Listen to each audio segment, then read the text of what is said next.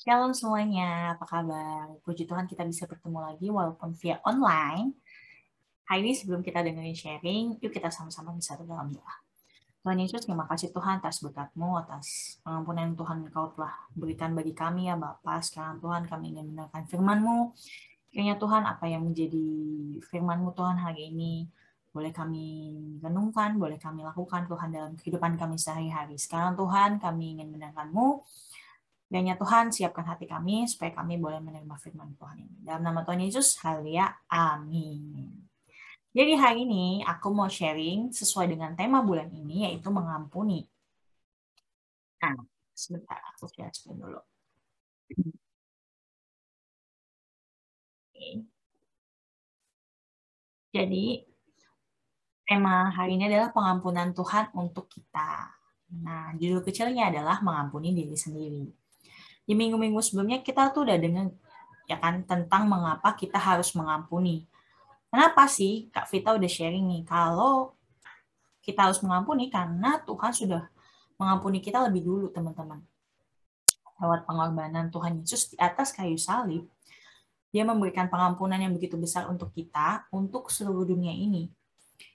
Waktu Tuhan, eh, waktu manusia jatuh ke dalam dosa nih, kita bisa lihat ya teman-teman, Tuhan dan manusia itu terpisah oleh jurang ini teman-teman. Nah, tapi saat Tuhan Yesus mati di atas kayu salib, salibnya dialah yang menghubungkan Tuhan dengan kita, teman-teman.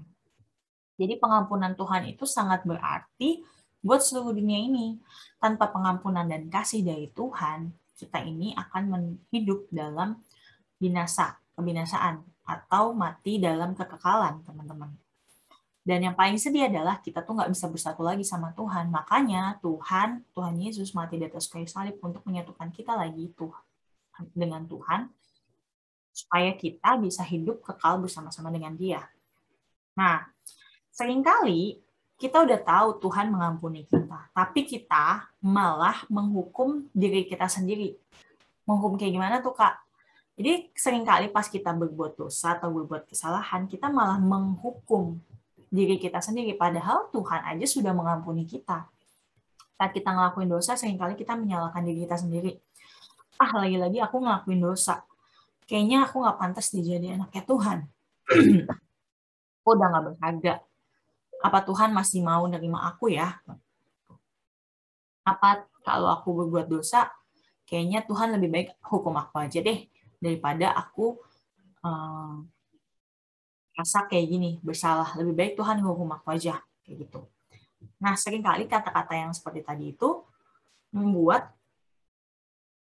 akan menghukum diri kita sendiri padahal Tuhan itu sudah mengampuni kita.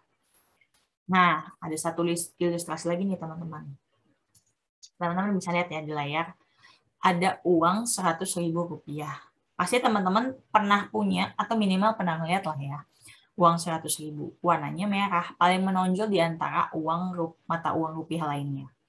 Satu kali aku pernah lagi gosok baju pernah nemu duit uang 100 ribu ini di kantong celana aku. Ternyata kayaknya waktu itu aku lupa naruh ke kantong dan aku lupa ambil lagi. Akhirnya ya ikutlah ke cuci dan ikutlah dia terkendam sabun cuci gitu kan. Karena masuk di dalam kantong dan ikut ke cuci, jadi dia udah lecek teman-teman. Udah lecek karena kelipet. Terus kira-kira apa sih yang aku bakal lakuin dengan uang 100 ribu ini? Kira-kira aku buang nggak sih teman-teman? Tentu aja nggak akan aku buang lah, karena masih uang 100 ribu teman-teman. 100 ribu itu kan pecahan tertinggi ya di dalam mata uang rupiah kita. Jadi nilainya tuh paling besar. Nah, sekalipun duit ini nggak ikut kecuci, mungkin kalau kecuci kan uh, konotasinya ya dibersihin gitu kan. Nah, coba kalau misalnya kita nemu duit di jalan, nemu duit 100 ribu ini di jalan, udah kena comberan, kena hujan, tapi kita nemu duit 100 ribu, apakah duit ini juga kita buang? Enggak lah, tentu kita akan rapiin lagi, kita ambil dan kita rapiin, kita gosok, kita bersihin gitu kan. Biar bisa kita langsung pakai. Kenapa? Duit itu walaupun sudah jatuh, nilainya tetap 100 ribu teman-teman. Begitu juga diri kita, waktu kita pernah jatuh dalam dosa, bukan berarti nilai diri di dalam diri kita itu turun. Bukan artinya karena kita pernah jatuh dalam dosa, Anesha udah bukan apa-apa, Anesha bukan siapa-siapa. Kenapa nih? Karena bukan diri kita sendiri, bukan lingkungan kita, bukan orang lain, bukan keluarga kita yang menentukan nilai diri dalam hidup kita, tapi Tuhan Yesus. Tuhan Yesus bilang ini, oleh karena engkau berharga di mataku dan mulia, Tuhan bilang kita berharga. Tuhan bilang kita berharga dan mulia di mata dia. Jadi nilai diri kita ditentukan oleh apa kata Tuhan. Terus kenapa sih kita harus mengampuni diri sendiri? Kenapa tuh Kak? Kenapa sih kita harus mengampuni diri sendiri? Yang pertama, di 1 Yohanes 1 ayat 9, jika kita mengaku dosa kita, maka ia adalah setia dan adil, sehingga ia akan mengampuni segala dosa kita dan menyucikan kita dari segala kejahatan. Jadi respon yang benar adalah saat kita ngelakuin dosa adalah dengan mengaku dosa-dosa kita. Saat kita mengakui dosa kita, tentu kita akan meminta pengampunan dari Tuhan dan melepaskan pengampunan terhadap diri kita sendiri. Dan pada akhirnya kita akan mengarahkan kehidupan kita kepada Tuhan. Nah, coba teman-teman ubah fokus teman-teman dari yang tidak mau melakukan dosa menjadi melakukan hal yang menyenangkan Tuhan. Jadi jangan kita fokus, ah, gue nggak boleh buat dosa, gue nggak boleh gini, gue nggak boleh gitu. Tapi coba kita fokusnya berbeda. Fokusnya adalah apa yang harus aku lakukan untuk menyenangkan hati Tuhan. Tentunya dengan menyenangkan hati Tuhan, kita pasti akan terhindarkan dari dosa atau kesalahan. Begitu. Nah, jadi mengampuni diri sendiri itu sama saja dengan mengakui dosa kita di hadapan Tuhan. Dan kita sebagai manusia yang sudah diampuni tentunya harus mengampuni diri sendiri. Gitu. Nah kalau kita nggak mengampuni diri sendiri gimana sih tuh kak? Ada konsekuensinya teman-teman. Ada uh, apa ya resiko yang kita harus tanggung. Kenapa? Karena kalau kita nggak mengampuni diri sendiri, hal ini bisa membawa kita kepada hal yang salah, berujung hal yang salah.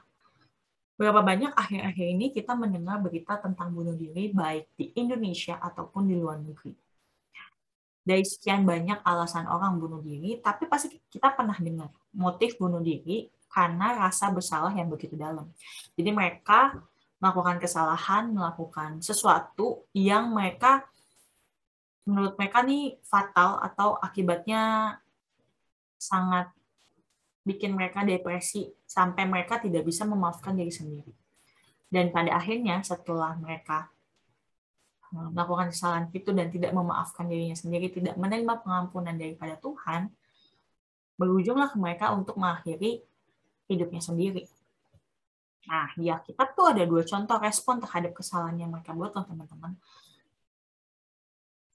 Teman-teman pasti tahu ya, Yudas Iskariot dan Simon Petrus, dua murid Tuhan yang terkenal nih di dalam Alkitab. Dua-duanya ini pernah melakukan kesalahan teman-teman, yaitu menyangkal Tuhan walaupun case-nya berbeda. Ya, kalau Yudas Iskariot dia menyangkal Tuhan dengan cara menjual Tuhannya, menjual Tuhan Yesus kepada orang uh, yang ingin menangkap Tuhan Yesus.